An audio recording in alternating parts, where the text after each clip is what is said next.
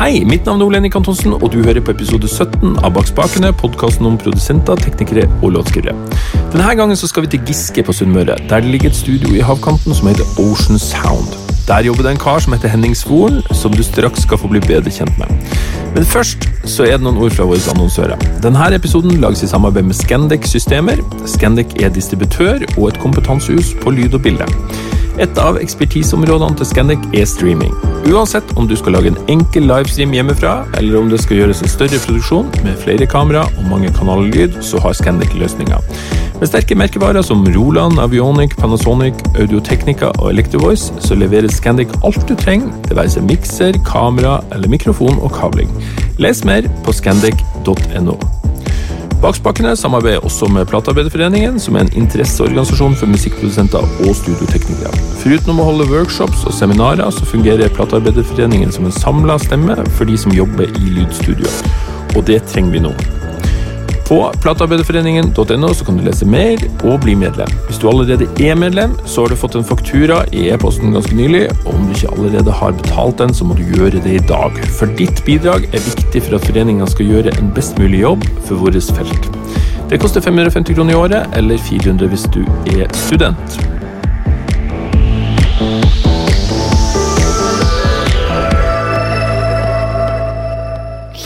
Ja, eh, velkommen til Bak spakene, Henning Svoren. Tusen, tusen takk. På eh, Whereby fra Ocean Sound, Giske. Første, første gang på Whereby.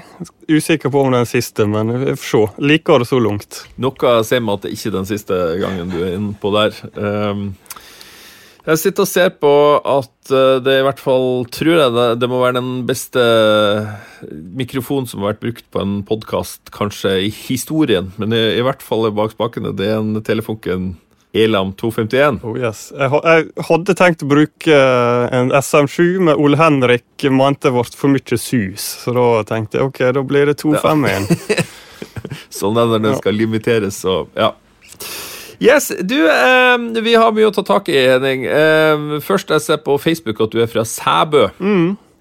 Er ikke det der den ferga kommer over? Der kommer det ferge over, og eh, ja. ja. Jeg tror jeg har spilt der, og det, nå er vi langt tilbake i tid, men jeg er jo en gammel mann. På plottingdans, eller noe? Nei, eh, Sagafjord hotell. Oi, oi, ok. Ja, those were the days. Det, eh, jeg skulle til å si mye bra musikk på Hotell Sagafjord, men eh, det var vel covers, regner jeg med? Ja, det var vel en del av det. Eh, det er lenge siden nå. Men eh, der, der starta du. Drev du med musikk? Ja, altså Jeg er oppvokst der, og det er en veldig liten plass. Og det var liksom i starten korps, og på bedehuset hadde vi litt sånn der bandgrupper, eller typ liksom vokalgruppe, og så bytta vi liksom på å være i bandet, liksom. da, altså. Og hadde på en måte noen mentorer der som liksom lærte oss å spille liksom kult bass og tromme. og ja, Kanskje når vi var så ti-elleve år at vi begynte med det. Ja. Litt sånn eh, bedehusmiljø, liksom. Og så når vi kom liksom på ungdomsskolen, så starta vi liksom egne band og spilte Pantera og Metallica ja. og ja. Fra det ene til det andre. Ja. Hva spilte du? Jeg spilte tromme, og så sang jeg også en del. da. Så syngende trommis. Ja. Jeg hadde liksom ett band som var liksom en trio, rocketrio, så der vi liksom eh, skrev låtene til. Enten, ja, enten gjorde, gjorde, lag, eller jeg kunne lage en låt, og kanskje gitaristen laga en låt eller et riff. og så var kanskje det jeg likte aller best. Og så var jeg også med i masse liksom, bluegrass-band og spilte på gospel night på Frikirka og eh, med, på korpskonsert og musikkskole og liksom alt mulig, da. Jeg sang i kor, liksom. Var liksom mm. musikk En eller annen øving hver dag, omtrent. Så, så, eh, så det var litt sånn tenår og ja, det, da. Ja. Så veldig fint miljø i Ørsta og Volda på den tida, rundt år 2000 var det vel kanskje.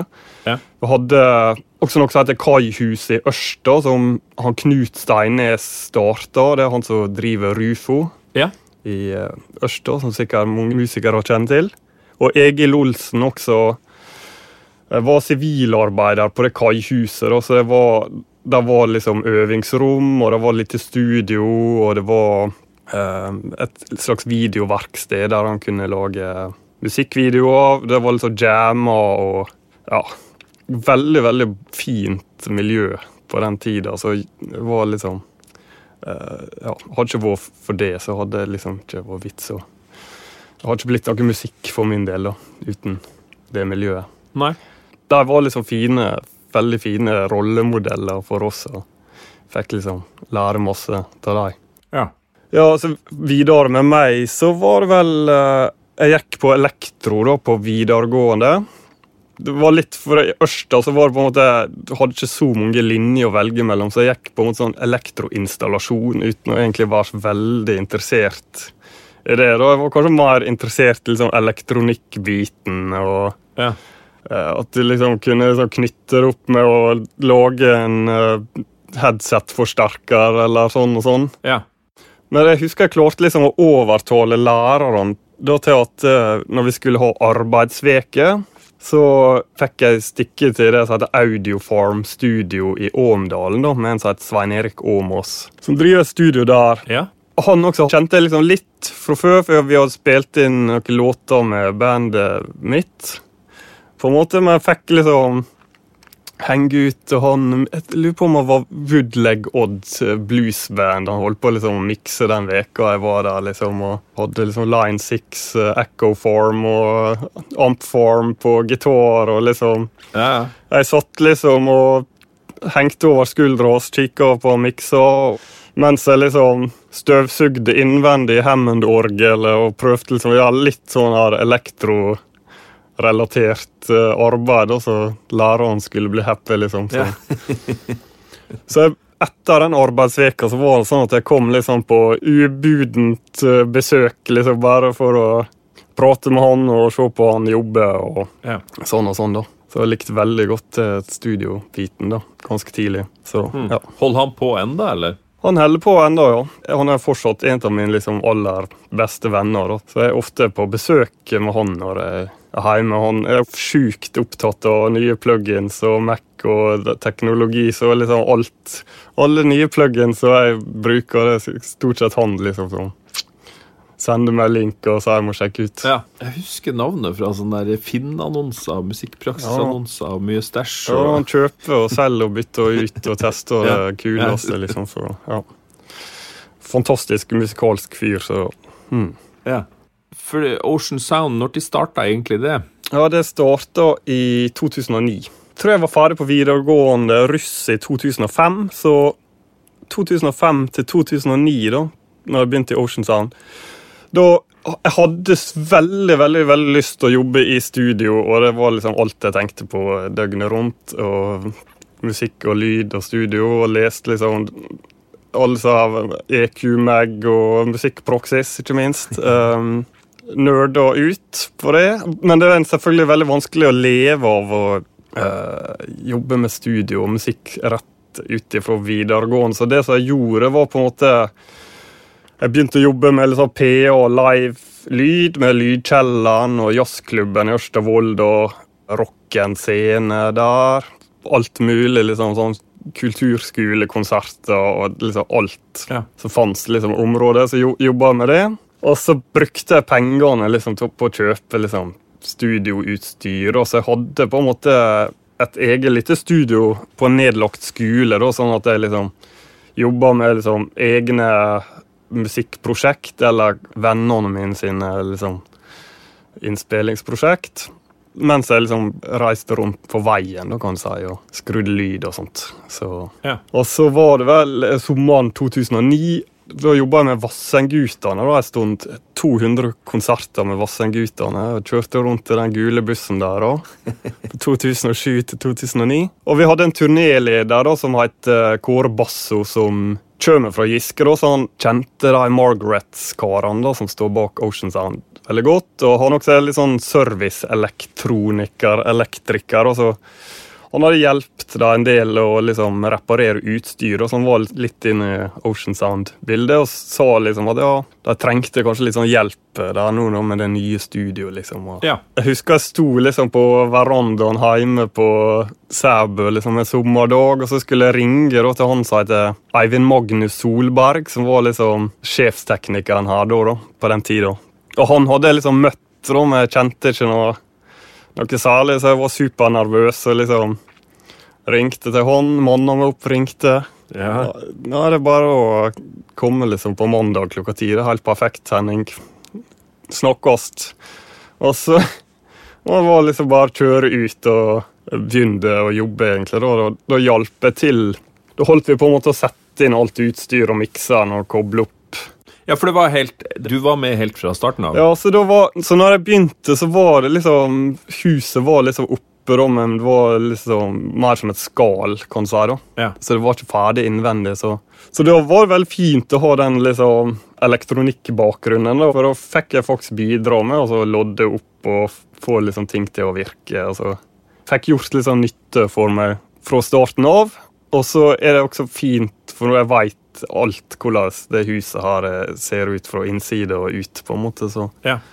hvis det er problem eller noe jeg vil forbedre, så kjenner jeg det bygget veldig, veldig godt nå, da. Så. Ja. Det er jo egentlig en sånn crazy idé i utgangspunktet. Altså når de bygde det, det må jo ha vært- det må jo ha Ja. kosta veldig mye penger eh, å bygge alt det og Mm. Det som er bakgrunnen for Ocean Sound, det var på en måte det bandet The Margarets fra Giske, som var noen brødre og søskenbarn, da. Blant annet Rune Berg, Ja. Lars Berg og Ante Giske Ødegaard. Og de eh, gjorde noe, det for ganske bra på et tidspunkt der det var liksom litt eh, penger i en platekontrakt. Ja. De spilte inn i Sverige, og Michael Brauer New York miksa platene der. og jeg, jeg tok liksom båten til Husker ikke om det var Rune som hadde flyskrekk, så jeg tok båt til New York oh, for å mikse plater, liksom. Og sånn, sånn. Og så var det vel på et album da de hadde gjort liksom alt det og reist hit og dit og miksa og tatt opp, så ville de liksom gjøre noe på Giske, da, et naust. Ja. Og det var en veldig sånn 60-tallsestetikk de det jeg gikk for. Så Ja. brukte masse penger på kjøpelse kjøpe liksom, studier og 800 teipmaskiner og masse masse outboard. Faktisk Mye av det har nå vi fortsatt nå. da. Ja. Så jeg laga et ganske kult studio i et bitte lite naust som er like borti hugget her. da. Det var vel 2005 da jeg begynte med det. Og så spilte jeg inn plater som for øvrig høres veldig veldig bra ut. Og så var det flere i på en måte det miljøet og vennene der da, som vil komme til Giske og også ta opp i det studioet. Så eh, ble det på en måte fort tydelig da, at det lille naustet der det var rett og slett for lite. Det jeg hørte var at Når det ble liksom snakk om å sette opp en container utafor liksom, som et ekstra opptaksrom, da kom liksom den ideen på bordet om å bygge det studioet her. Da, så. Men det også var nå en veldig lang sånn politisk prosess da, med å få lov til å bygge et, eh, et bygg liksom så nært um, strandkanten og i det området her. Da, for det er på en måte et slags sånn der eh, fritids- eller et sånn rekreasjonsområde. med Vi har strand her, liksom. Mm. Masse folk som bruker det til å gå tur. Og så tror jeg på Giske også, det var liksom litt uh, bekymra naboene at det føltes at det musikkmiljøet og de musikerne kunne virke som litt sånn fremmed-element da på det de var vant til her. Da. Så presten var liksom sterk motstander i avisa og liksom ville ikke ha studio her. Han er for øvrig en veldig fin operasanger. så Han er, spilte inn plate med noe Han har vært med på flere plater liksom her etterpå. Liker studioet. Ja. Og så har vi også hatt mye konserter i studio. Litt så bare sånn at de som bor her, kan liksom få et slags forhold til studio. Da, at det, Ja. det ikke er liksom noe helt fremmed som ligger her for seg sjøl, men at vi vil liksom være en del av Giske. og ja. det samfunnet har tror ikke det er noen som er skeptisk på studio nå lenger. Da.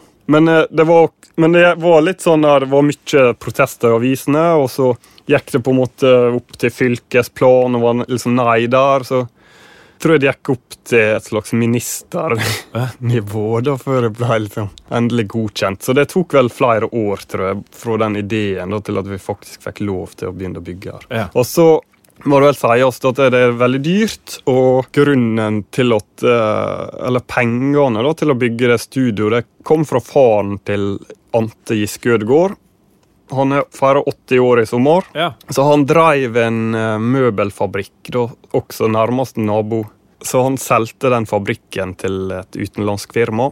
Og så brukte han noe av pengene på å bygge Ocean Sound. Da. Han var en eh, gammel jazz-kontrabassist. Hadde liksom turnert rundt på 70-tallet og spilt liksom skikkelig musikkelsker, liksom. Jeg tror det var liksom noe han hadde lyst til å gjøre. og Bruke liksom tid og penger på å få Ocean Sound på lufta. Så han lærte gutta å drive med musikk og være entreprenører. Jepp. Helt rett. Helt rett. Bra kombo. Ja. Studioet er på en måte Det er ikke belånt i noe særlig grad. Altså, Nei. man kan faktisk uh... Men sånn det funker så på, Det er liksom flere firma. Ocean Sound det er et uh, slags driftsselskap. Og så har han Arvid Giske Ødegaard, som heter han har et selskap som eier bygget, og et som eier utstyr. Så Ocean han betaler på en måte leie til han, da, men Ja. litt mer fleksibelt enn å kanskje ha en avtale med en bank, da, eksempel. Ja. Men det er også supert å ha en Arvid, for han, eh, han vil liksom holde oss på tå hele tida, så kan liksom ikke Ja. Det må skje ting liksom i studio hvis eh, Ja. Kanskje gå bare og surre rundt og sånt. Vi må liksom få til ting. Ja. Så det syns jeg er bra, da. Og inspirerende, ikke minst. Så en fantastisk fyr. Dere hadde jo veldig tidlig ei lang liste av eh, klienter eller kunder da, som, som var ganske imponerende. Margaret selvfølgelig, og alle Rune Berg sine prosjekt mm. og alle de andre. Men, men det var også tidlig store navn, som f.eks. Travis var jo der veldig tidlig, husker jeg. Mm. Hvordan eh, gikk det til?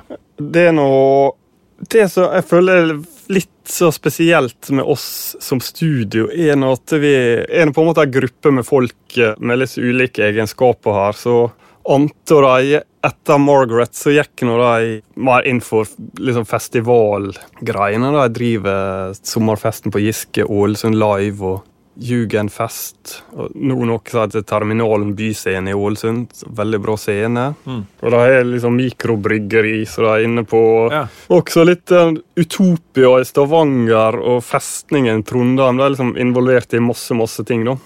Og det hadde jeg på en måte begynt med omtrent da studioet åpna. De er så flinke til å liksom knytte til seg artister og musikere og veldig flinke å snakke med folk. Ja. I motsetning til meg, som er kanskje litt mer eh, trykker på knapper, liksom, så er litt den sammensetninga med folk da, som gjør at det, det fungerer eh, i lag, og at det på en måte blir interessant for et band som Travis å komme til Giske, på en måte. da. Ja. Jeg husker ikke akkurat med Travis hvorfor de kom hit, om de hadde vært her og spilt på en festival, liksom, eller akkurat hvordan det var, da, men Sånn som han Fran Healy har også vært her i studio liksom bare på sommerferie. sånn. Hatt studio, spilt inn liksom noen ideer på dagen, og så bada liksom. Ja, ja. litt sånn. Og så på en måte blitt litt sånn Giske-venn. Var det ikke noe med en eh, mikser òg? Ja, det stemmer. Vi hadde en uh, 9 VR60, som nå er i Øra studio i Trondheim. da.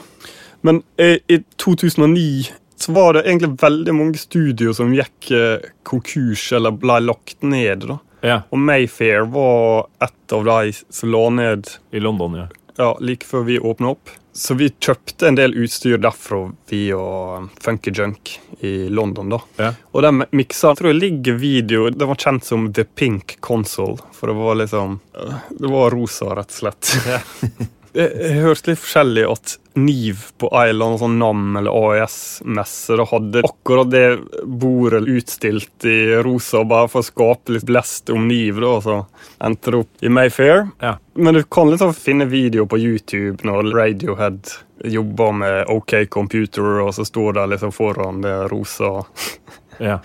rosa miksene der. og Kjenner du til til en som heter Andreas Eide Larsen? En norsk eh, produsent og tekniker. Jobba med Marit Larsen og masse, masse Ja, forskjellig. nettopp.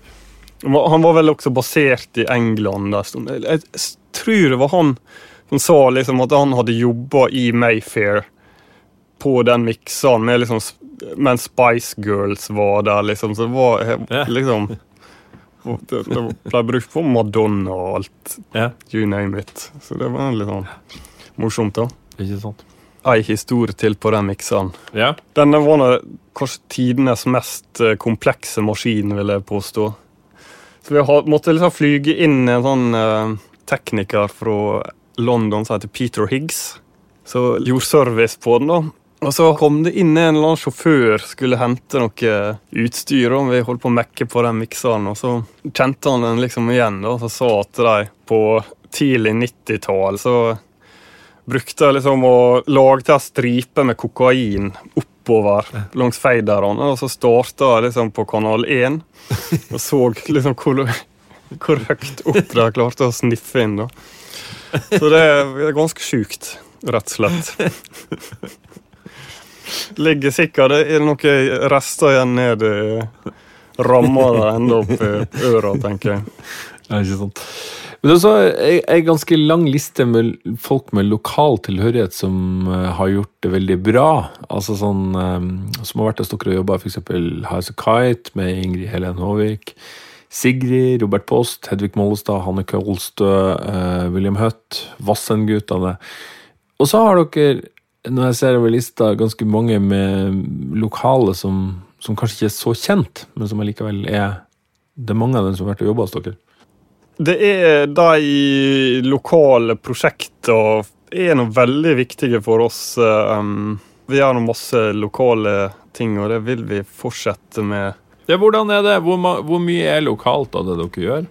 Jeg veit ikke akkurat eh, liksom, eh, prosenten på hvor mye som er lokalt. Sånn, det spørs om du tenker liksom Møre og Romsdal eller Norge. da. Men eh, altså, vi har vel regna ut sånn type Er sånn utleiedager da, gjennom et år, at det er kanskje et 40-50% utenlandske prosjekter. Ja, det er såpass, ja. Ja, Iallfall i det studio A her. da. Så resten blir noe lokalt.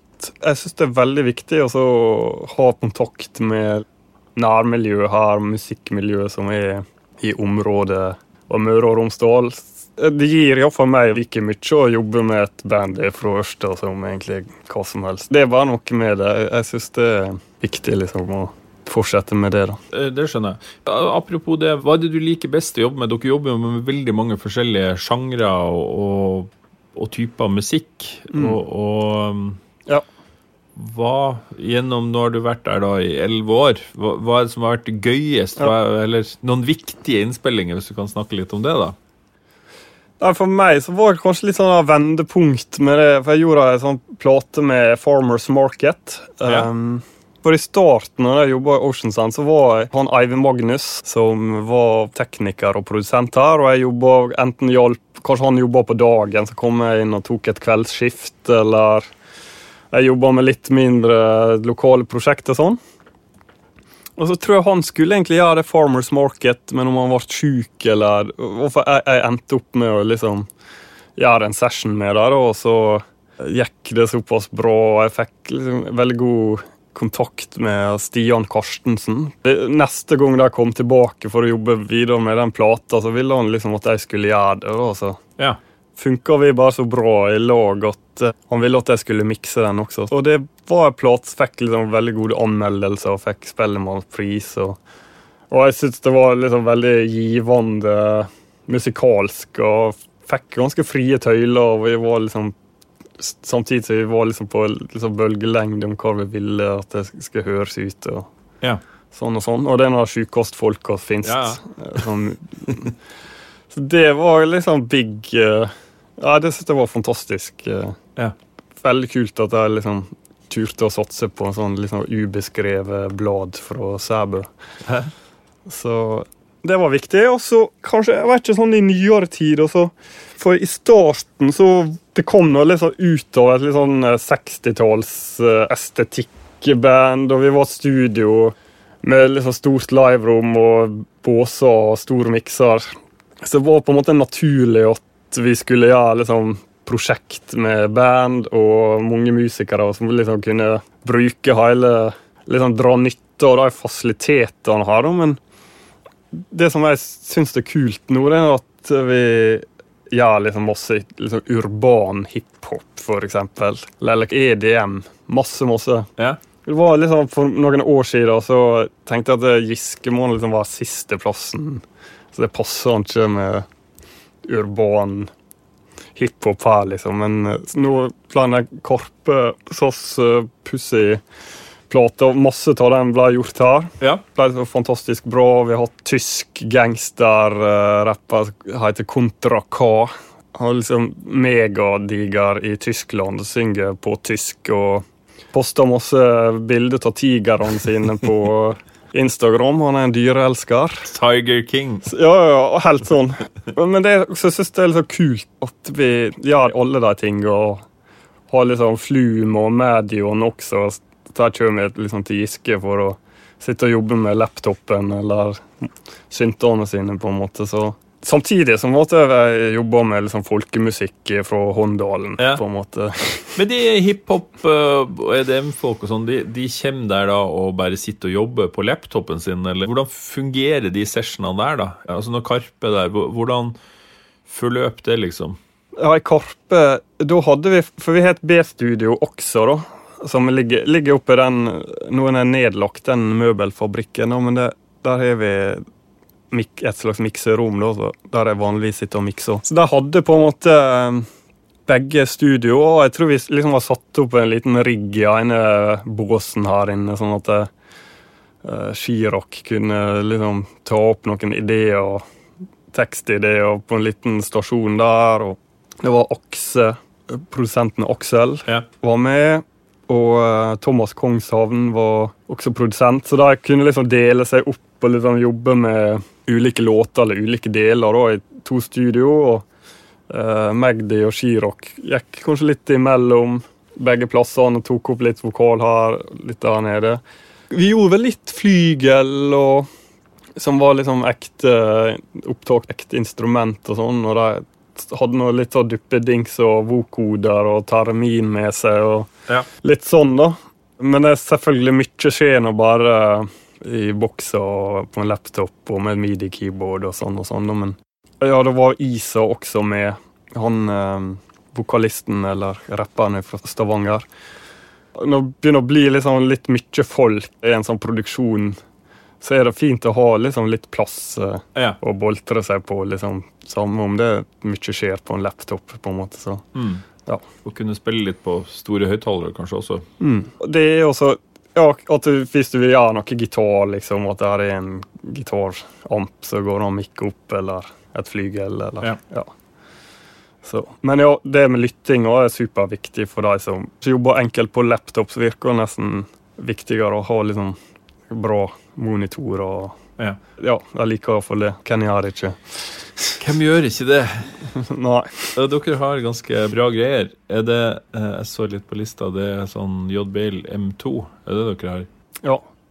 Og nå er jeg litt gira for tida, for jeg fikk eh, endelig subba til det nå, da. Hva heter det? JBL Sub 18.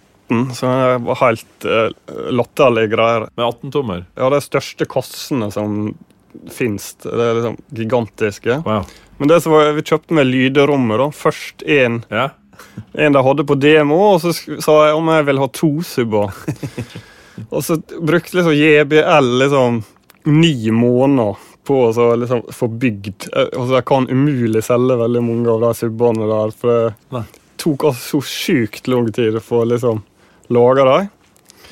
Kom da, jeg så sto nå her, fikk, hadde ikke jeg tid da, liksom, til å få den på lufta, da, men for litt siden så fikk jeg endelig liksom kalibrert. Jeg hadde en, kanskje to dager da jeg kun liksom satt og målte opp med linjal og testa ulike delefrekvenser da, mellom subbene og toppene og liksom delay og Ja. Så nå er det veldig, veldig, veldig bra. Så supergira på det. ja.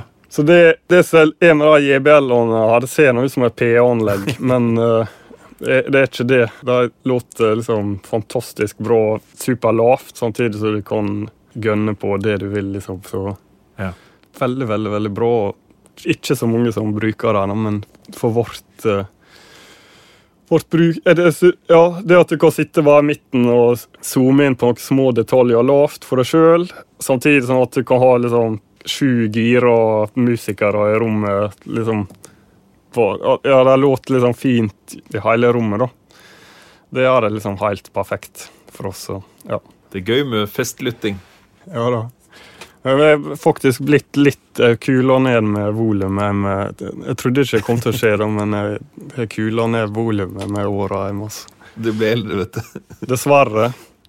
Når vi er nå i nerdeavdelinga, da, vi må snakke litt om Jeg ser jo rett bak i et uh, gedigent outboard-rekk med mye Chandler. Mm. Mange TG-channel-kanaler. Og fortell litt om hva du har baki der.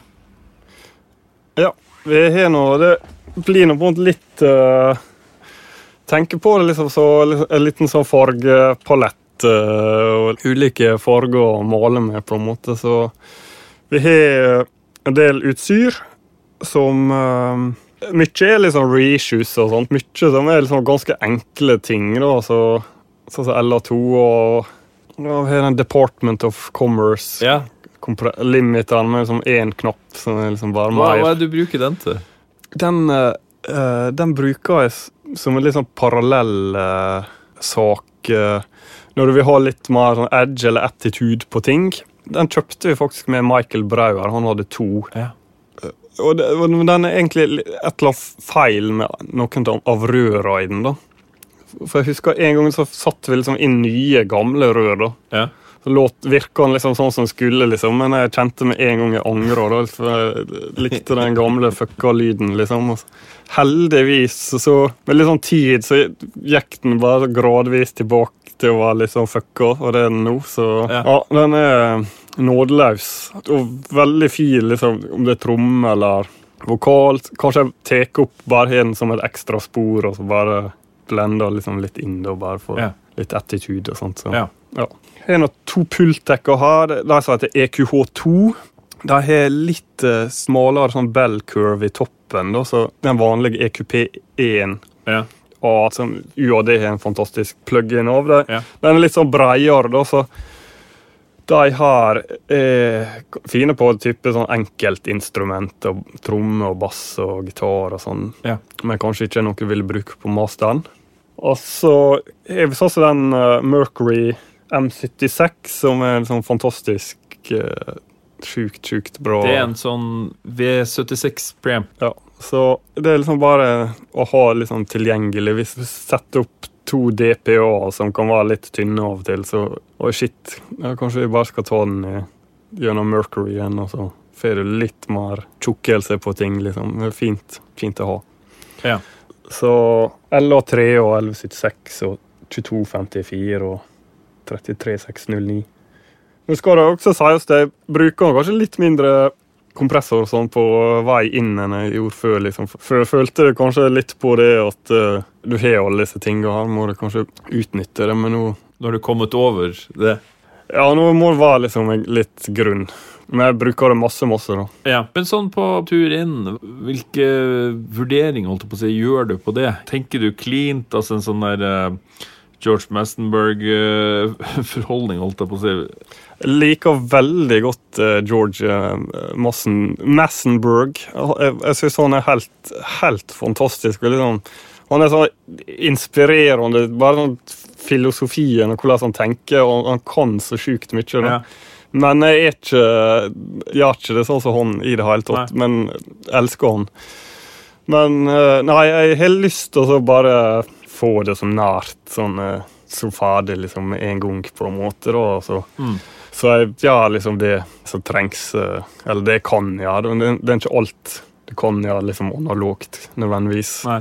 Jeg vil heller risikerer risikere å måtte ta opp et instrument på nytt for at jeg gjorde nok for mye, enn, enn å liksom være feig og ikke committe, liksom. Så, men det kan også være fint, og så, hvis du gjør noe veldig radikalt, og så bare ta et ekstra spor med litt ekstra Både òg, ja.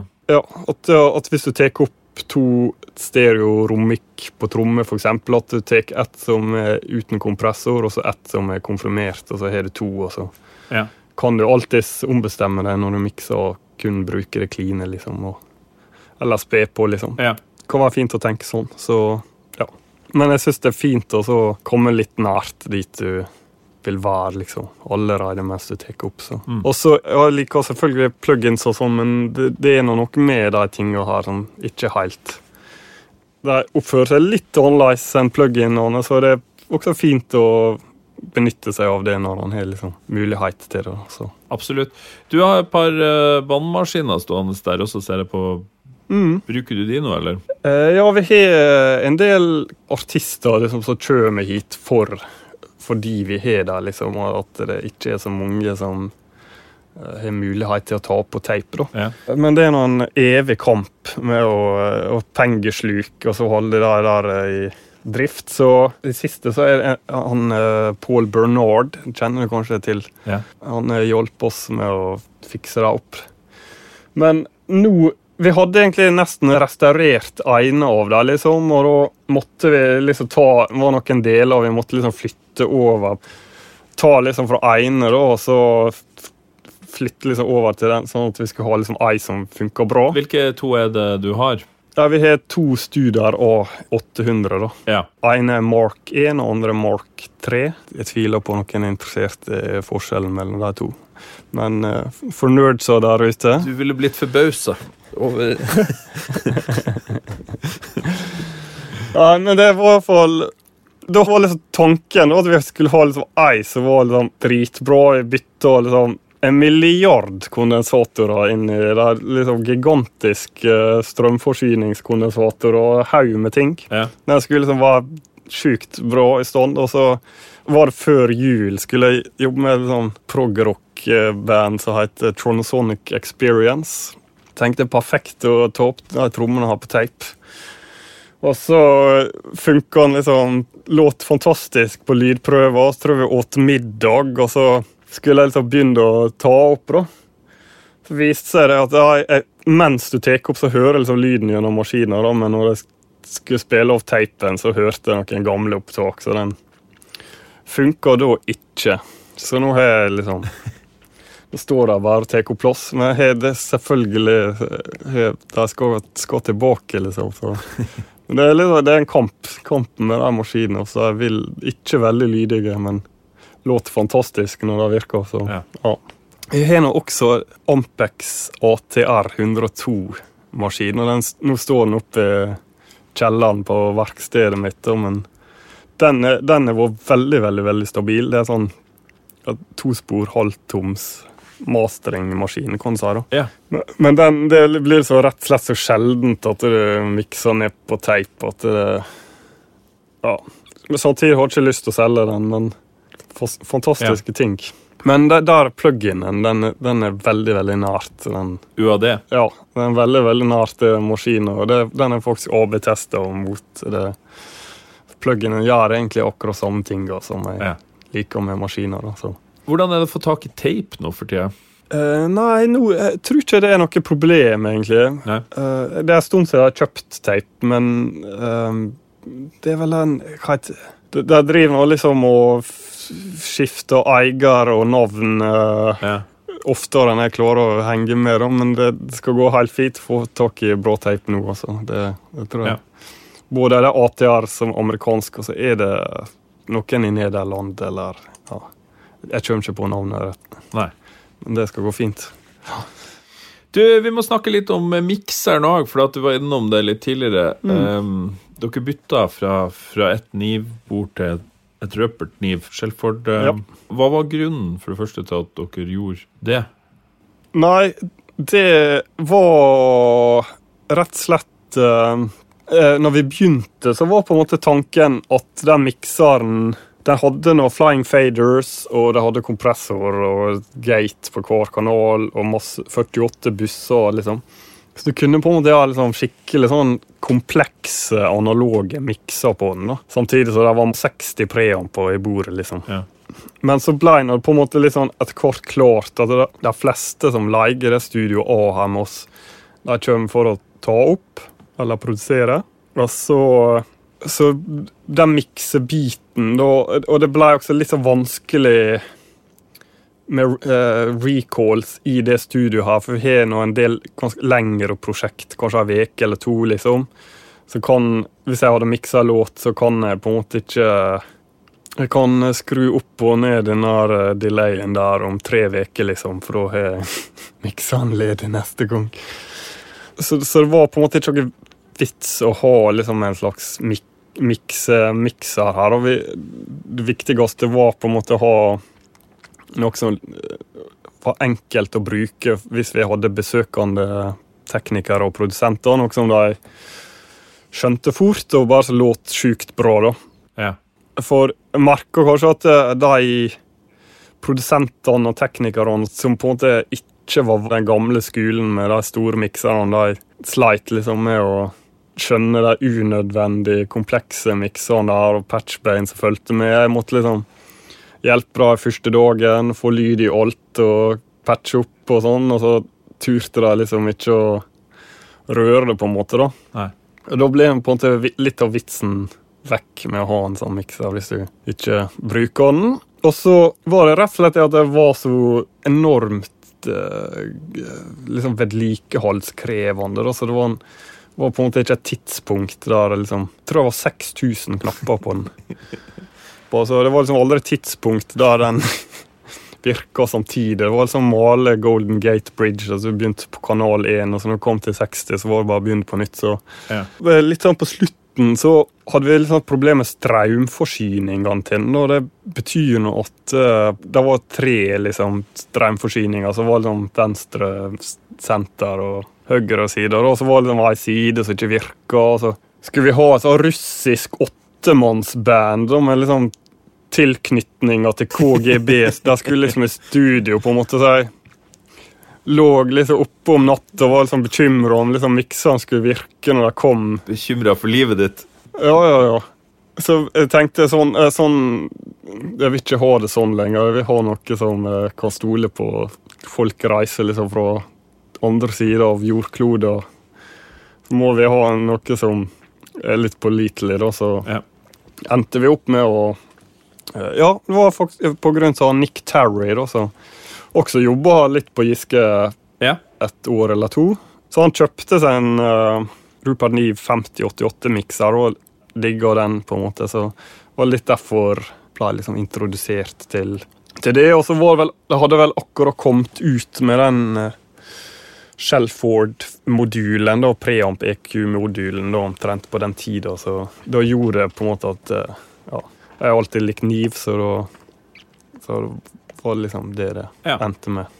Og dere har vært fornøyd med den, eller? Jeg er veldig, veldig fornøyd, så jeg, jeg, jeg syns den er helt fantastisk, og ja, det, det funker til så Samme om det er metal eller folkemusikk eller hiphop. Altså, den er ja, fantastisk bra. Veldig åpen lyd begge veier, både nedover og oppover, på en måte. og uh, EQ-en er mer fleksibel enn de gamle 1073-tinga, Ja. for eksempel, og den har den uh, silk-funksjonen som liksom kan høres litt ut som en gimmick, men det er ikke det. Det er liksom et supernyttig verktøy, Mm. så ja.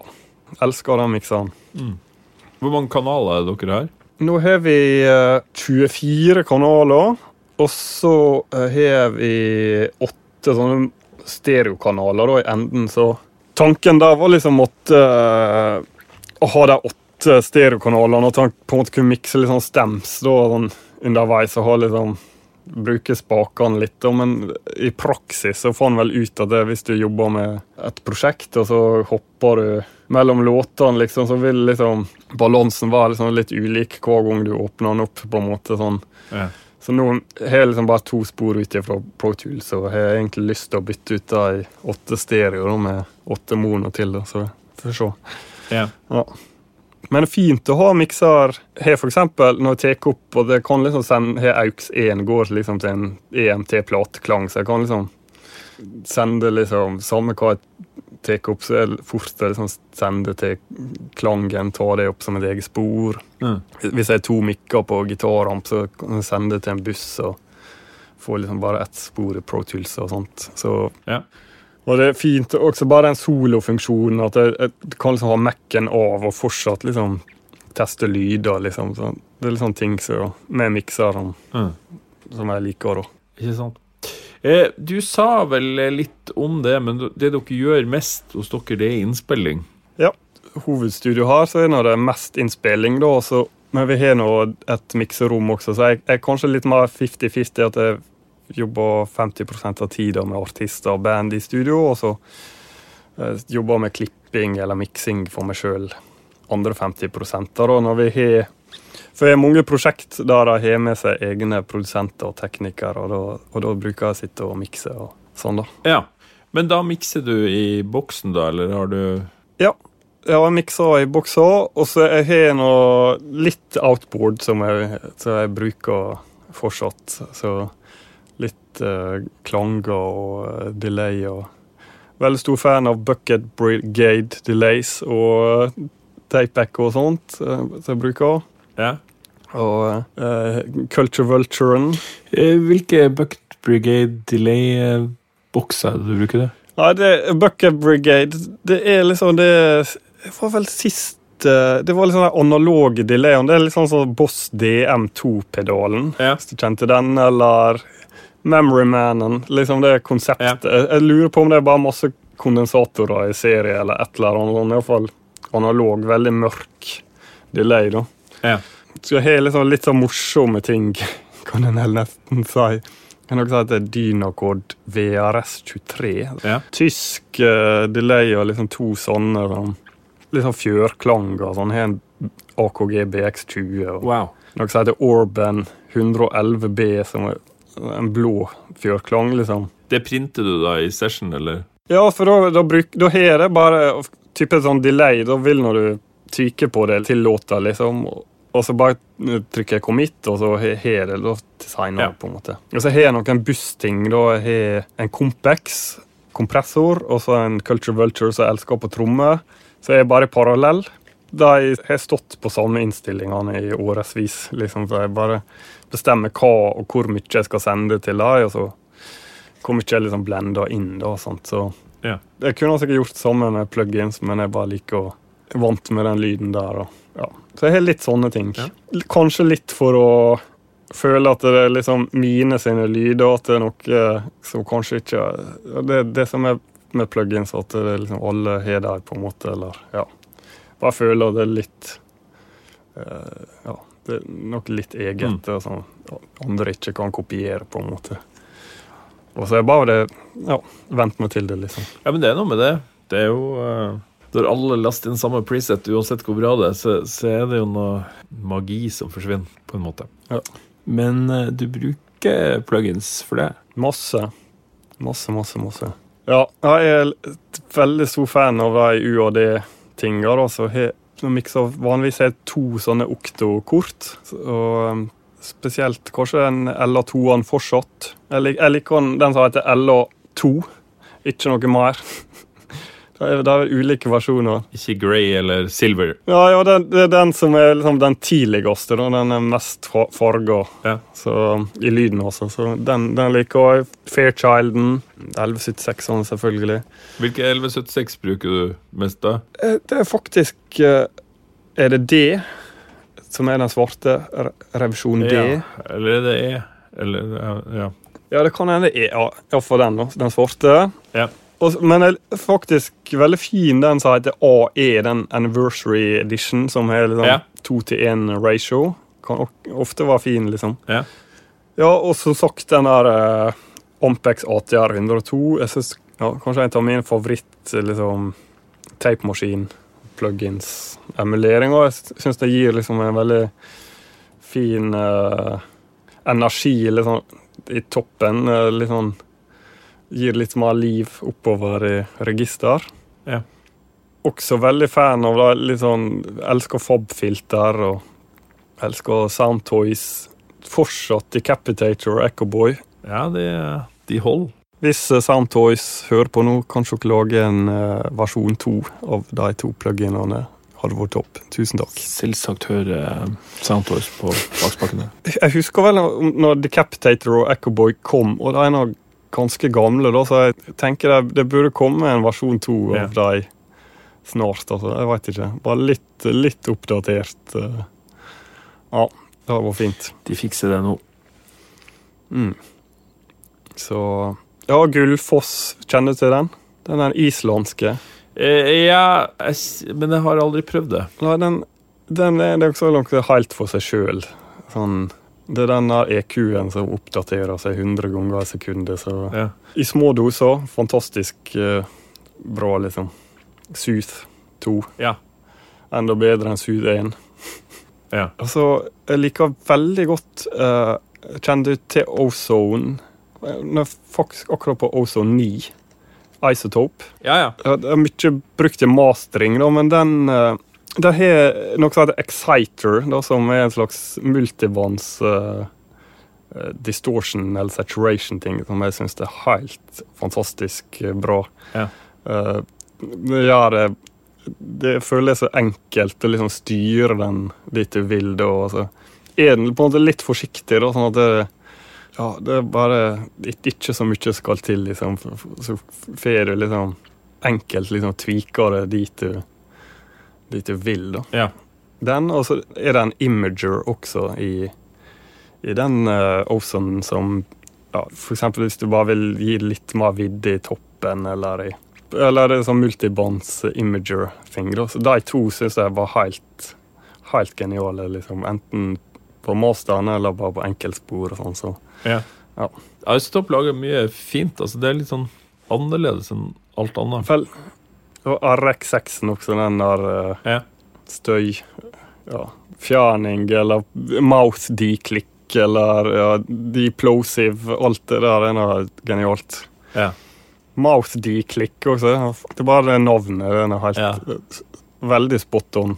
De må snart komme med en sånn der eh, plastpose Nå i disse koronatider, så, så All kringkasting er med en plastpose over brødpose over eh, mikken. Ja, det stemmer, det. Deep plastic. bag. Ja. ja. Du, eh, men når du mikser, da mikser du mest i det andre studioet, Studio 2? Jepp. Det er noe litt for, det at, for jeg har på en måte et slags fast oppsett med de tingene jeg har brukt i alle de år. Og det er på hardware inserts. Og der oppe mikser jeg på så heter det Amphion 218. Ja. Med, jeg har noe som heter JL Audio Fathom subber. Og det går gjennom en Crainsong Avosett og en Trinov som jeg bruker til delfilter. Og så det er på en måte helt sånn lyttesystem som jeg er vant med, og det rommet der. Ja. Altså, det var fantastisk å sitte og Det er liksom å sitte med et stort headset som Ja. Så det er kanskje litt det også, at det rommet er på en måte mer spissa inn mot å være et slags sånn lyttemiljø, da. Mens her nede som jeg sitter nå i Studio A, så er jeg mer utstyra, mer glass og ting som kanskje ikke er ideelt for et veldig kritisk eh, Hva skal jeg si lyttemiljø. Mm. Så eh, ja, jeg tenker på det liksom at her Studio A er mer som en sånn kreativ space, og så ja. eh, der oppe er det mer i Studio B at det er mer beregna for at én person kan sitte og høre liksom, nøyaktig lyd og forsvinne inn i en miks, liksom. Så ja. Ikke sant. Er det, er det sånn at det du mikser, har du stort sett recorda sjøl, eller er det både og? Jeg liker veldig godt å så mikse ting som jeg har tatt opp sjøl, for jeg føler det på en måte eh, Jeg vil liksom gjerne eh, Mens jeg tar opp, at det, det skal liksom være så nært, eller at det skal liksom være på vei en eller annen plass da, med den måten du tar opp på. Så jeg føler liksom at eh, jeg ikke får fullført det da, før jeg liksom miksa det. Den, på en måte den prosessen jeg begynte på med å ta opp, liksom.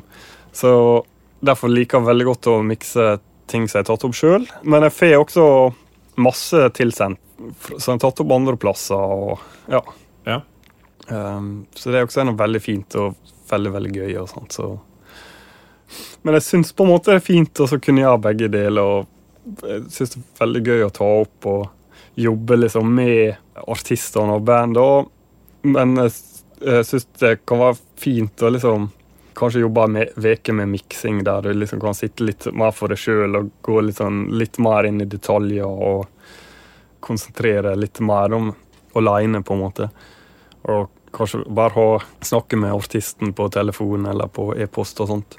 Får liksom den kombinasjonen da med å jobbe liksom veldig nært på folk og ha liksom masse samarbeid og ideer, og også mot det å sitte aleine og forsvinne liksom litt inn i ting. Da. Det syns jeg er veldig fint. Mm. Så jeg, jeg, føler kanskje begge deler.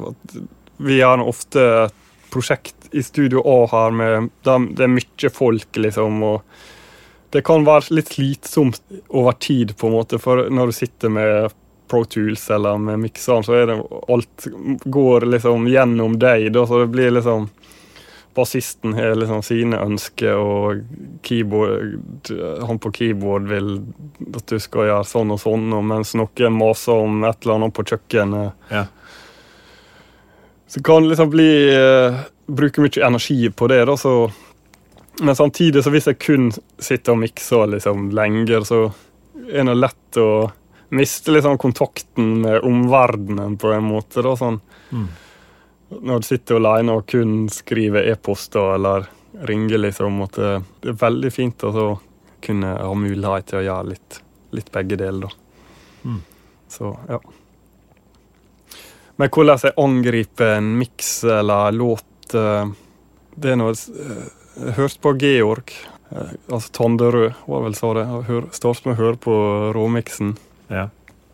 Da sa jeg at det, ikke, det er en ny artist jeg aldri har hørt om. da, så som regel så kanskje jeg kjenner produsenten fra før, eller noen som er involvert, så kanskje jeg har et visst inntrykk til hva de liker og sånt. Men samtidig så har jeg ofte vært borti det at jeg snakker med artisten eller produsenten om hva de vil, og så er det på en måte veldig vanskelig å, å snakke om musikk og lyd og sånt. Sånn at jeg blir sittende og mikse sånn jeg tror de vil ha det, liksom. Men i stedet for liksom stole på meg sjøl, og så viste det seg nei, men det var ikke sånn du hadde tenkt det likevel. At det vi snakka om, det, det, kom liksom ikke gjennom det de egentlig var ute etter, eller at det, det Jeg tror iallfall det er å liksom reagere på det du hører, og gutt instinkt og ja. Mm. Jeg tenker nå litt sånn der eh, når jeg har holdt på en liten stund, at jeg er litt liksom flink til å forstå hva folk mener når de sier ting om hvordan jeg vil ha det, men jeg tar nå fortsatt helt feil av og til, liksom. Og, ja. ja. Men stort sett, når du bare reagerer på det du hører og jobber etter magefølelsen, så er det beste miksene, og da du treffer best, så Har du noen sånn eh, miksehelt, eller? Noen du syns er veldig flink, som du Ja.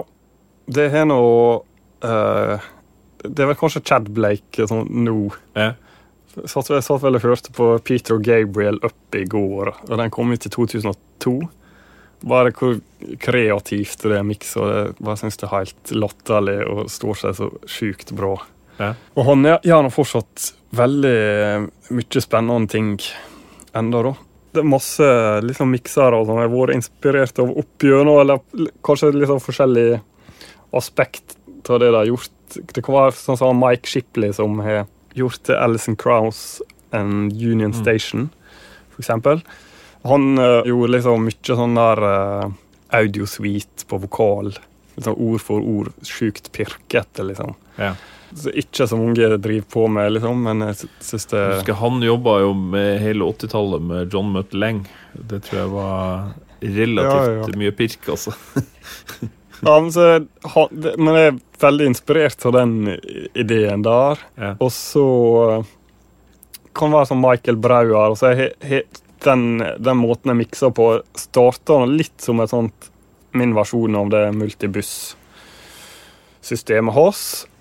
Og så um, tenkte jeg tenkte faktisk på litt sånn, han, eh, en som heter Ellen Meyerson. Han mikser litt sånn der eh, Hollywood scores, liksom de aller største blockbusterne i Hollywood. Okay. De som jobber med stryk, liksom, eller store perkusjonsting, må på en måte tenke på en helt annen måte. Da. Men han, han gjør veldig mye kule ting som man kan ta med seg inn i si, popmusikk eller uh, ja. Så jeg jeg har sett en del videoer med han der ligger på Mix with the Masters, for de som Ja. abonnerer på det. Da. Men jeg, jeg syns det er veldig kult å ta med seg måter han tenker på med den musikken inn i kanskje pop- eller rock-verden. da. Ja. Og så jeg liker veldig godt Chris uh, Lord Elge som Hva si det du vil om han, da, men han har gjort liksom både Bruce Springsteen som ting som jeg elsker, og Green, Green Day-ting og liksom så Ja, ja. Ja. heller liksom studert litt mikser opp gjennom åra. Kanskje ikke så mye nå lenger, men ja. Har du vært på noe sånn Mix with the Masters, du, eller? Yes. Um, men jeg var faktisk på Jeg husker ikke om det var 2007 eller 2008, men jeg var på noe som het Jeg var med Bruce Wedin, da. Ei uke i studioet hans i Florida. Det var litt sånn der Det var en workshop, Ja. men det var, det var på en måte Det var ikke vanlig med eh, den type ting da. Så jeg reiste liksom bort og var ei uke der, og han han er nå ei legende, så var henge ut med han. Og han hadde liksom der eh, Han var veldig god kompis med en av de sjefene i Roya, liksom. Ja. Så veldig opptatt av bandmikker. Også. Det var eh, kanskje en dag der vi liksom nerda ut på bandmikk, og han Roya-sjefen fortalte oss og viste eksempel. Og kanskje det var en dag med en som heter Art Noxen, som var han som fant opp de tube trapsa. da Ja. som var liksom akustiker og tegna studio til Bruce. Så det var liksom en dag med miksing og en dag med trommeopptak og sånn, da. Ja, helt fantastisk å være med på. Og så kom det vel Jeg husker at jeg så det på Gearsluts. Kom liksom oppe liksom banner på toppen av skjermen da med Å, nå er det Mix with the Masters med Michael Brauer. Og jeg elsker nå Coldplay og sånt. Og John Mayer på den tida. Yeah. Så tenkte jeg ja, det her må jeg koste sjukt mye penger, men jeg kommer til å angre resten av livet hvis jeg ikke blir med på det her. da. Så vi sendte liksom inn søknad om å joine. Og da møtte jeg Christer André Sederberg. Ja. Ja, for det var den aller første som var, var det det? ja det var. Du var der, du òg, ja. ja. jeg husker ikke om vi var 12 eller 14 stykker. Vi var iallfall tre nordmenn. Hvem var tredje? Jeg tror ikke han jobba i studio lenger, så jeg, har faktisk dessverre glemt navnet. Han var litt sånn assistent på Living Room på den tida. Ja. Studio, husker jeg, men jeg, jeg, jeg husker ikke navnet. Men eh, det var veldig spesielt på det Mix with the Masters, for da visste ikke jeg at det kom til å bli ei greie da, som har fortsatt, på en måte. Da, så vi Nei. sugde nå til oss alt vi kunne, liksom. og Michael Brauer var ikke, hadde vel ikke helt eh, på en måte utarbeida det liksom, læreplanen som han har nå, da, på en måte. da. Nei. Så det var helt, helt fantastisk å være med på. da. Mm. Så eh, jeg fikk faktisk besøkt han han Michael Brauer flytta til fått et eget studio, da, men jeg tror kanskje det var to år siden så besøkte jeg liksom Electric Lady. For jeg har en kompis som også hadde studio der. En som heter John O. Maney. Veldig, veldig bra mikser. Så jeg var liksom Vi var kikker, og var Michael Braua på jobb. Og fikk liksom sjekke ut studioet også. Og han huska meg da fra den første Mix for the Masters. Det, ja, veldig stås. Så er nå en helt, selvfølgelig. Ja. Det er han. Kult. Ja, og så var jeg også da, Det var vel kanskje i 2011 eller noe. så Jeg var, var på Chad Blake da på La Fabrique, så Ja. også jeg var helt totalt annen personlighet fra Michael Breuer, men også et geni. Mekaniske filter, folkens. Mekaniske filter. Ja, Veit du hva det er? Mekanisk filter? Eh, nei, vet jeg det?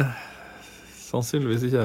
Det kan være f.eks. et rør som du liksom stikker en mikrofon inn i, og så et eller annet du finner på eh, søppelfylling da, som du kan Det kan være krukke med vann som du stemmer en tone eller altså, Ja.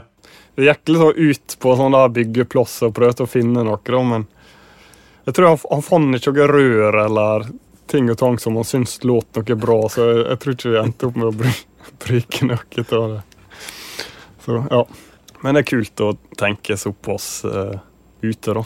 Det er jo imponerende med de gutta som også på en måte gjør de veldig kommersielle tingene i, i hver sin sjanger òg, som også har et enormt arbeidspress, da. At de faktisk er så lekende og Mm. leter så etter andre innfallsvinkler. Jeg var egentlig litt overraska over han miksa siste Green Day-plata nå. Det var, for jeg husker jeg hørte den singelen på den siste Green Day, så tenkte jeg shit, det var egentlig litt sånn overraskende skittent og dirty for å være Green Day, liksom. Og så kom plata, og hørte på den, og så måtte jeg liksom bare sjekke ut ja, hvem det er som mikser den. Ikke Chris Nei. Lord Elge, iallfall. Og så ja, det var Chad Blake, liksom. Og, og han har gjort mye litt sånn der Chad Blake også. Mye veldig kule ting, men kanskje ikke sånn superstor kommersgreier. Og så var jeg egentlig litt overraska over at han hadde gjort, sagt ja til Green Day, da, men ja, så han, så da gjorde en veldig bra jobb. Ja. Mm. Eh, hvis vi snakker litt om innspilling, hvordan forbereder du deg til å få et band i studio, et gitt band? Jeg veit ikke om det er noe med at det er blanding av at det enten er litt lat eller eh, hva. Men det, ofte så burde jeg sikkert ha forberedt meg bedre. Da, så. Men uh, uh, helst så vil er det fint å få liksom demoer, eller om det Få en link til Soundcloud. Uh, så ofte så spørs litt hva bandet vil, og hvor langt det er kommet, liksom. Men ofte så kan jeg gi liksom tilbakemeldinger tidlig, liksom. Det kan være alt. Det kan være på tekstting eller hva som helst, liksom. Eller form eller instrumentvalg eller det syns jeg, jeg, jeg syns det er gøy å gjøre det. De burde kanskje vært litt flinkere og mase på band om å få demo, og så sette av tid til å liksom gå litt gjennom det, notere og sånn. Ja. Men ennå, som regel så har når du er du veldig opptatt av de prosjektene du holder på med her og nå, liksom. For det liksom kan være litt sånn eh, å rive seg ut og tenke på noe du skal gjøre om to måneder. Det er ikke alltid så kjekt, på en måte. Nei. Så av og til så prøver jeg å gjøre litt så grundig forberedelser, men ofte så syns det også det kan være fint å ikke ha så mye og bare møte opp. Jeg vil kanskje at studio skal være ryddig og i orden, på en måte, sånn at det, når bandet kommer, at, at det starter på en måte med blanke ark, men at det er enkelt, at det ikke er noe sånn teknisk som hindrer oss i å gjøre ditt eller datt, på en måte. Nei. Er Det noen band eller artister som får liksom dagsplaner med liksom det, OK, klokka ditt eller datt skal vi begynne med vokal, og så skal det være middag klokka 17 og sånn og sånn. Og det er jeg ofte litt sånn skeptisk til, for at jeg liker veldig godt at det er veldig fleksibelt og løst. At det, hvis du har en idé, så tester du den ut, og ikke stresser med at vi liksom skal ha gjort ditt eller datt klokka og sånn og sånn. For det er kanskje litt det dere selv oppe på Ocean Sound også, at, at du kommer du, De fleste vil jo da komme reisende til, eller mange i hvert fall vil komme reisende til, og at du er der litt sånn på en camp, da. Mm. At uh, det er litt uh, La Fabrique. Mm. Ja, jeg, jeg syns det er veldig fint. Det er bare å du på en måte ikke har noen eh, At du, du har ikke en avtale klokka fem du skal rekke, på en måte. Det, når folk er her, så er det eneste de skal gjøre, liksom det å jobbe med musikken, på en måte. Ja. Når det er sagt, så er det veldig mange musikere som kunne ha godt og faktisk eh, gå en tur rundt øya, eller få litt sånn frisk luft innimellom. Det er enkelt kan rett og slett bli sittende litt for mye inne, liksom, og Ja. eh, Bli skremt da når de ser folk eh, Ja. når de er ferdig i studio, på en måte. Så jeg har hatt liksom, noen band hvor jeg stikker hjem hver kveld liksom, og sover hjemme og sånn, men jeg har liksom tatt med noen band hvis vi stikker på Molo, sånn veldig bra burgerplass i Ålesund. Ja. Ikke sponsa reklame, forresten. Bare lite grann. Um, Bare eie den, men uh... ja. uh, ja, men det var liksom Hvis vi var i studio i ti dager, da, så har jeg kun sett fire personer som er, du spiller med, liksom, så liksom, bandet fått liksom, sjokk da kommer ut, og det står noen og spiller biljard eh, to meter fra deg, på en måte. Mm. ja, men det er fint det er her at du, du har ikke liksom alle de avtalene eller ting folk Mindre sånn til og fra, på en måte. Det får veldig ro til å dykke inn i musikken og konse på det, og det syns jeg er fint. Bor du på Giske sjøl, eller? Nei, jeg bor i Ålesund, da, men det, det tar bare 10-15 minutter å kjøre, så Ja. veldig, veldig greit. Mm. Men for meg så var det egentlig fint å ikke bo på Giske. Kommer liksom akkurat passe langt vekk fra For, for Giske er blitt litt av jobb for meg, da, så jeg er litt sånn i jobbmodus når jeg er her, så Ja. Jeg er faktisk litt sånn jeg slapper av når jeg kommer til byen. Da. Litt motsatt, motsatt til andre folk, kanskje. Men jeg slipper ikke helt den der med innspilling og Nei, det må du for all del ikke gjøre. Vi må snakke litt om mikrofoner, da. Ja, OK. Mikrofoner, ja. Ja. Du har jo en fantastisk liste her. Skal, skal jeg begynne, eller har det noe eh, du tenkte på? Så det jeg tenkte med, med hvordan du forbereder eller du, du har sikkert en plan når det Mm. kommer et, et gitt Du tenker på input-liste, gjør ikke du det? Ja? Ja, det bruker ikke jeg. Nei. Ja, da, vi har Jeg har veldig mye at jeg eh, jobber med et band eller en artist første dagen. da. Så de kommer til Giske, så hjelper jeg på en måte i gang. Og kanskje jeg har med seg en egen produsent eller tekniker. Og da bruker ofte den produsenten å lage liksom forslag til ei input-liste som vi følger, og stort sett så gjør de en veldig bra jobb med det. da. Men når det er jeg sjøl, så veit jeg stort sett eh, godt hva jeg liker på de ulike tinga. Og, og samtidig sånn at med å ikke ha input-liste, så kan jeg fort liksom ombestemme meg på ting og liksom bare ta litt på sparket. og ja. Det, Ja. Så jeg føler meg litt sånn låst med sånn input-liste. da. Ja. Så begynner bare en plass. Håper nok mikk og til slutt, når det, det skal mikke opp eh, oboen, liksom, at det har et eller annet kult igjen da. Ja. Den går gjennom uansett, så det Min kjepphest i miks obo kan aldri bli lavt nok. Obo kan aldri bli lavt nok. Eh, Nei, jeg syns bare den alltid blir for høy, uansett hva jeg gjør. Men eh, Fagott er enda verre, er ikke det? Yeah. Har du mikka opp fagott? Nei, eh, ikke sjøl. You're in for a treat. ja da. Ja, jeg elsker Mikko. det har så mye å si. Ja, å lære seg å Ja, eh, ta, ta en sanger, da.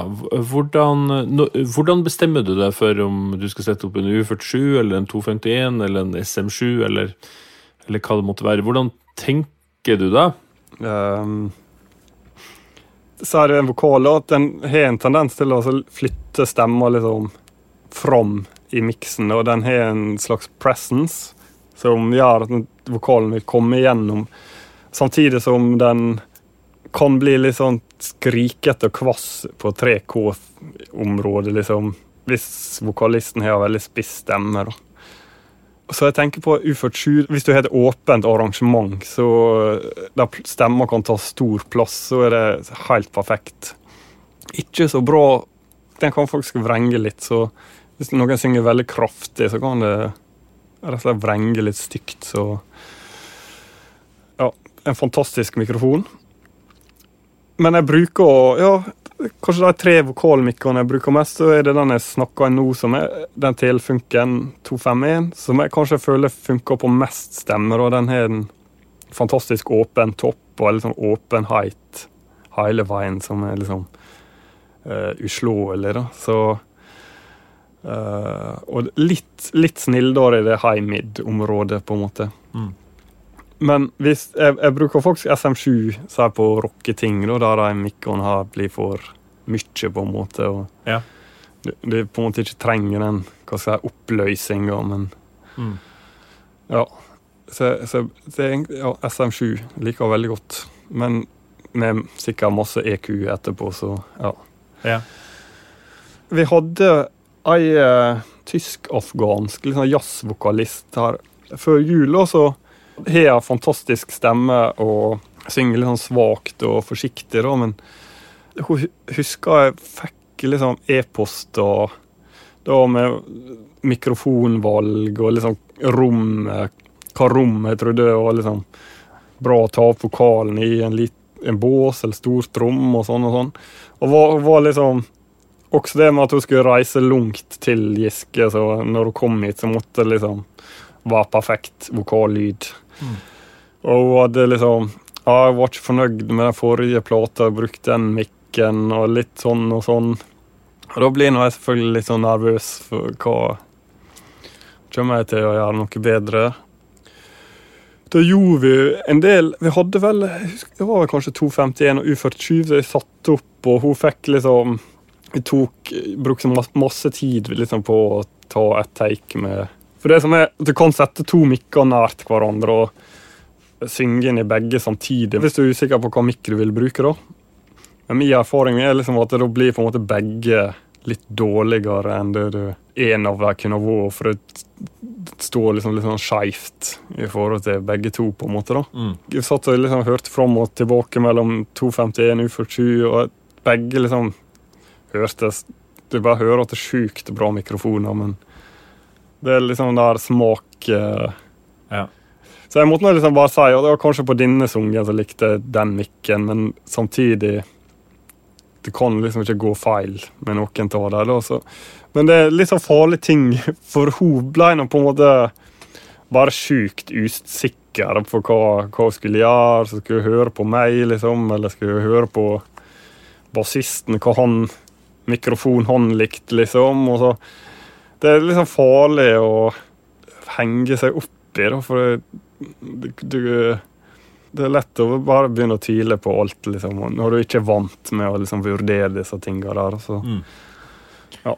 Så du tar egentlig et valg ganske tidlig, og så går du bare med Jeg tar valget og ser ikke meg tilbake. Er det noen andre mikker enn en 251 og 47 du kan bruke på vokal? Vi hadde en sånn eh, Sony C800G her. Altså, jeg sa Lars Hustoft. Han Ja, ja, ja, ja, ja, ja, ja. jobba en del i det B-studioet vårt, så han hadde mikken sin her.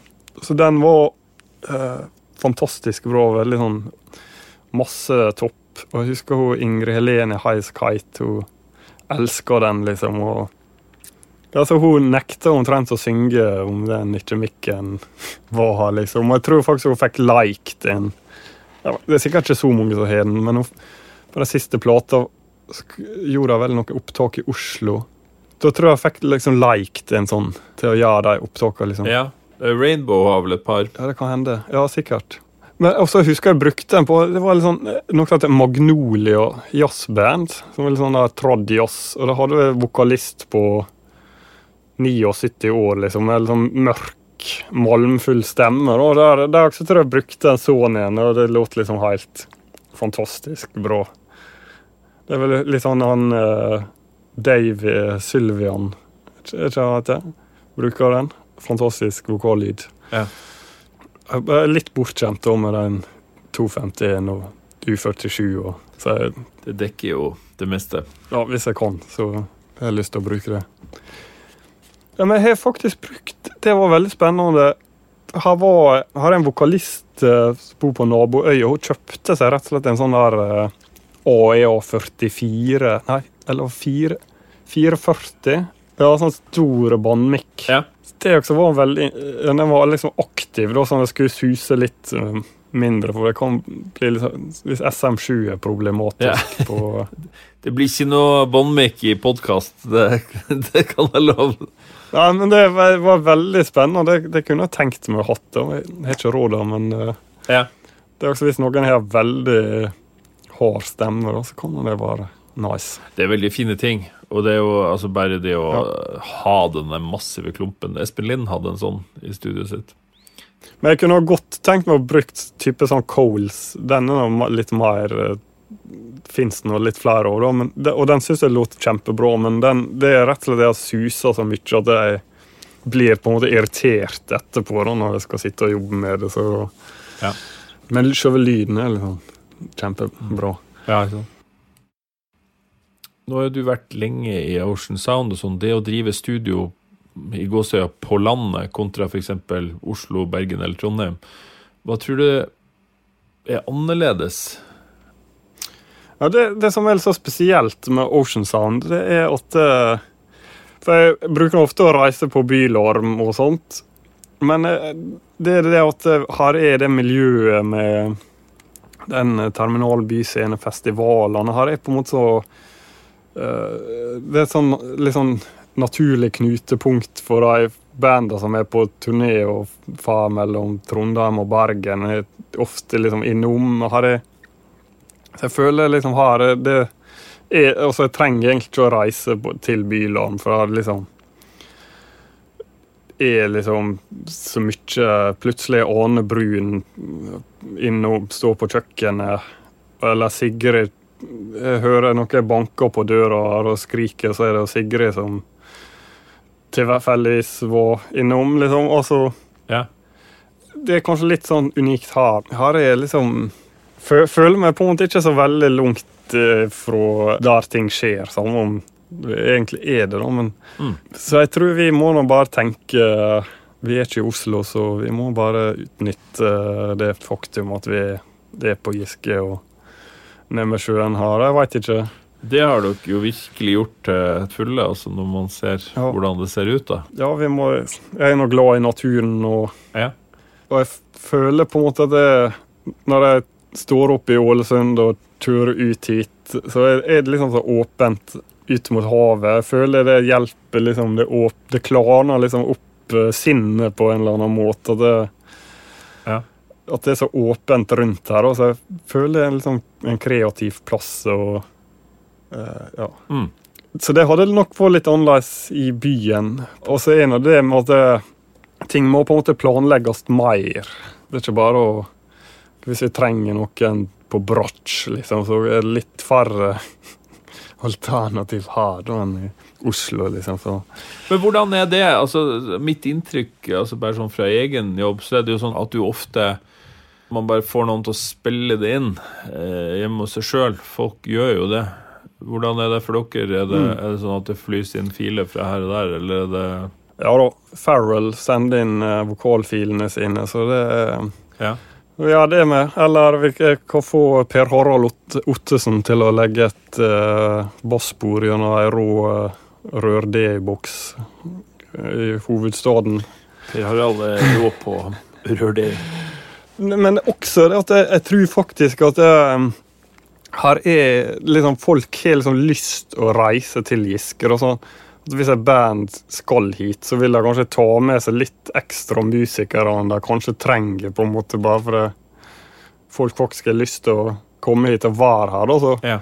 Ofte så er vi det er ganske mange musikere her på en måte samtidig, så da klarer vi stort sett å få til et kvart med det som er her. da, Men hvis noen skal ha liksom stryker og sånt, så har vi Ålesund strykekvartett som vi kan bruke, liksom. Men det har ikke på en måte så mye Litt mer begrensa. Og så er det på en måte også det at det, det kan være blåsere, for eksempel. At hvis det er mange flinke blåsere fra Ålesund, men de har, har vel kanskje en tendens til å flytte til Oslo, da, sånn at det, Mm.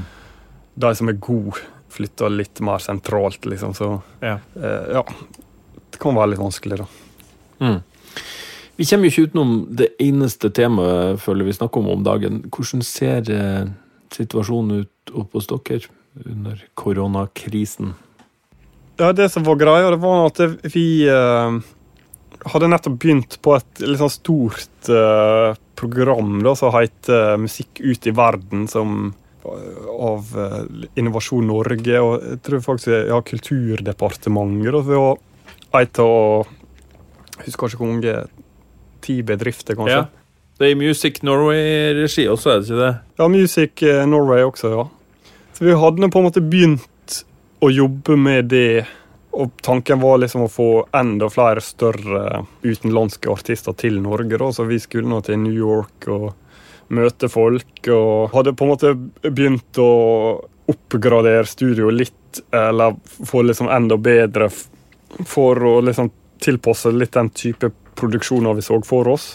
Og så ble nå den eh, koronasituasjonen eh, Du fikk liksom innreiseforbud til Norge, og vi måtte nå avlyse masse prosjekter. av de utenlandske tingene, og kanskje noen norske prosjekt der de jobber med utenlandske produsenter og sånn, som ikke ble noe av. Men samtidig så kan det være en del norske musikere som fikk liksom tid til å jobbe i studio, så vi har heldigvis fått, eh, fått i stand noen nye prosjekt som vi jobber med i mellomtida. Ja. Det har vært veldig fint. Uh, vi har hatt et prosjekt som heter Dugnad for kultur. Som uh, Momentum, så er det da de som eh, driver de festivalene her oppe. Og vi har også konsertsystemer. Det er liksom i samme bygg som konsertsystemer Giske.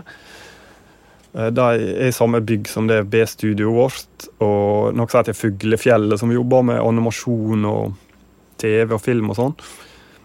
Så vi har gjort tre konserter da, med streama med Vassendgutane. Og så Natalie Sandtorv og Jon Olav Sandal. Ja. Så alle de tre artistene er på en måte lokalt eh, forankra, da.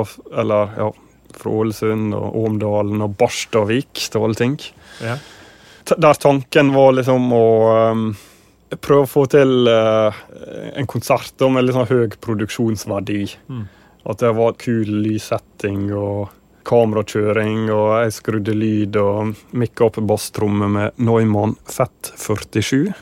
Ja. Men det var litt sånn der uh, Ja, altså, kanskje jeg var også i studio, sånn som Jon Olav reiste vel i går. tenkte jeg, altså Han på en måte var ei uke, og så hadde jeg liksom konsert, og så jobba i studio med nye låter og sånn. Men samtidig også vært litt sånn f.eks. konsertsystemer som vi ser liksom hver dag, men vi på en måte ikke har noe med å gjøre, egentlig. sånn. Mm. Og Fuglefjellet, at vi gjorde liksom noe vi som er her i det miljøet, på en måte, og jobba liksom mot sammen, bare lage en sjukt bra livestream. Det synes jeg var fantastisk bra. Det hadde nå ikke skjedd hvis det ikke var for koronasituasjonen, da. Ja, Ikke sant? Aldri så galt. Men følte dere at det ble butikk? Altså, Lønte det seg å gjøre det? Det blei Det var en del mye folk som så på det. Um, det var også Sunnmørsposten var inn, med i, inn i bildet, så fronta det med sine plattformer og sånn. Og Sparebanken Møre også var sikkert inne og, med noen midler. Jeg syntes det var veldig gøy. Og jeg som hadde litt sånn live bakgrunn, da, så jeg satt i det Studio B, hadde en Midas-mikser sånn live-mikser, liksom, men jeg satt liksom med amfionene mine som jeg vant med, og hadde Focusrite, uh, Red 3 på masteren, og fikk liksom I og med vi ikke hadde PA, da kunne jeg liksom bruke litt studiomikk og litt studiotriks her og der, liksom, men Ja. jeg måtte liksom sitte og mikse det live, og hvis jeg hadde for høy delay på vokalen, så ble det sånn, liksom. Ja. Det var veldig gøy for meg også, bare Ja, det var fint å liksom samarbeide med de andre som jeg kjenner, men kanskje ikke Ja. jobber så mye med den daglige studio hverdagen, da. Nei, ikke sant? Jeg har egentlig jobba helt vanlig fram til nå. Ja. Jeg har nå en del av de norske ting og blir nå framover. Sånn skal gjøre noe Nils Petter Molvar, begynne på ny plate med han nå straks. Men det er nå liksom selvfølgelig litt sånn uoversiktlig framover. Og folk er kanskje litt sånn, selv om det er tid, så kanskje det økonomiske er så usikkert, så er det kanskje folk litt mer skeptiske til å gå i gang med liksom store prosjekt og sånt. da, Ja, altså det er jo noe med at uh, Det som skjer nå, er jo at festivalsommeren definitivt blir avlyst uh, as we speak. Og, Mm. og det er klart for veldig mange artister og band så er jo det en vesentlig del av økonomien. da. mm. Så det er jo uh, hvordan det påvirker alt. da. Ja, det blir veldig spennende, men jeg tenker at for, for oss i studio så er, er, det, er det kanskje ikke vi som er verst Nei. rammer. At vi kan jo på en måte fortsette å jobbe og gjøre ting og, og mikse og, Mm. og sånn og sånn, da, men eh, ja. Og så tror jeg jo man må se lys i tunnelen. Og på andre sida så tror jeg det kommer til å eksplodere bruken av eh, alle musikere nå som sitter og ikke har noe jobb. De tror jeg skal få kjørt, få kjørt seg når det blir lov. Altså. For det, ja, ja. Jeg merker bare sjøl etter noen uker nå, det behovet man har for å komme seg ut altså. Kjenner du til han eh, Josh Freeze, trommisen? Nei. Spilt med spiller med Sting nå og spilt med Perfect Circle. En av- mine favoritt-trommiser. Han hadde Nettopp. Tidenes eh, Instagram-post her og skrev at eh, myndigheten hadde satt ut en bassist til å spille solo på hvert gatehjørne for å, opp, for å hindre oppsamling, opphopning av folk. Den syns jeg er fin. Ja, ja. Ok, nei, men du eh, Da tror jeg vi har vært igjennom ganske mye, Henning. Eh, tusen takk for praten. Ja, det var veldig koselig. Og hadde definitivt tid til Ja. dette her, så det passer Men fint. det er bra. Da ønsker jeg lykke til videre, og eh, så får du eh, stå på. Ja, men det skal jeg gjøre. Ja, men tusen takk. Da snakkes vi. Ja. Ha det. Henning Svoren der, altså. Hvis du sitter med mobilen og lytter til Apple Podcast nå, så er det kjempefint om du legger igjen en rating. Da vises Bak bedre i iTunes. Legg gjerne også igjen en kommentar om hva du syns. Det er veldig hyggelig å lese. Bak spakene har en Facebook-side og en Instagram-konto. Gå inn og følg oss der, så holder du deg oppdatert om hva som skjer i podden. Eh, Det gjenstår bare å takke annonsørene Scandic og Platearbeiderforeningen, og si at hvis du ønsker å gi en donasjon, stor eller liten, for at bakspakene skal bli produsert, så kan det gjøres på VIPS til nummer 601 095. Dette er helt frivillig, men tusen takk til de som vippsa sist. Mitt navn er Ole Henrik Antonsen, og vi høres igjen om ikke så altfor lenge, håper jeg. Ha det godt.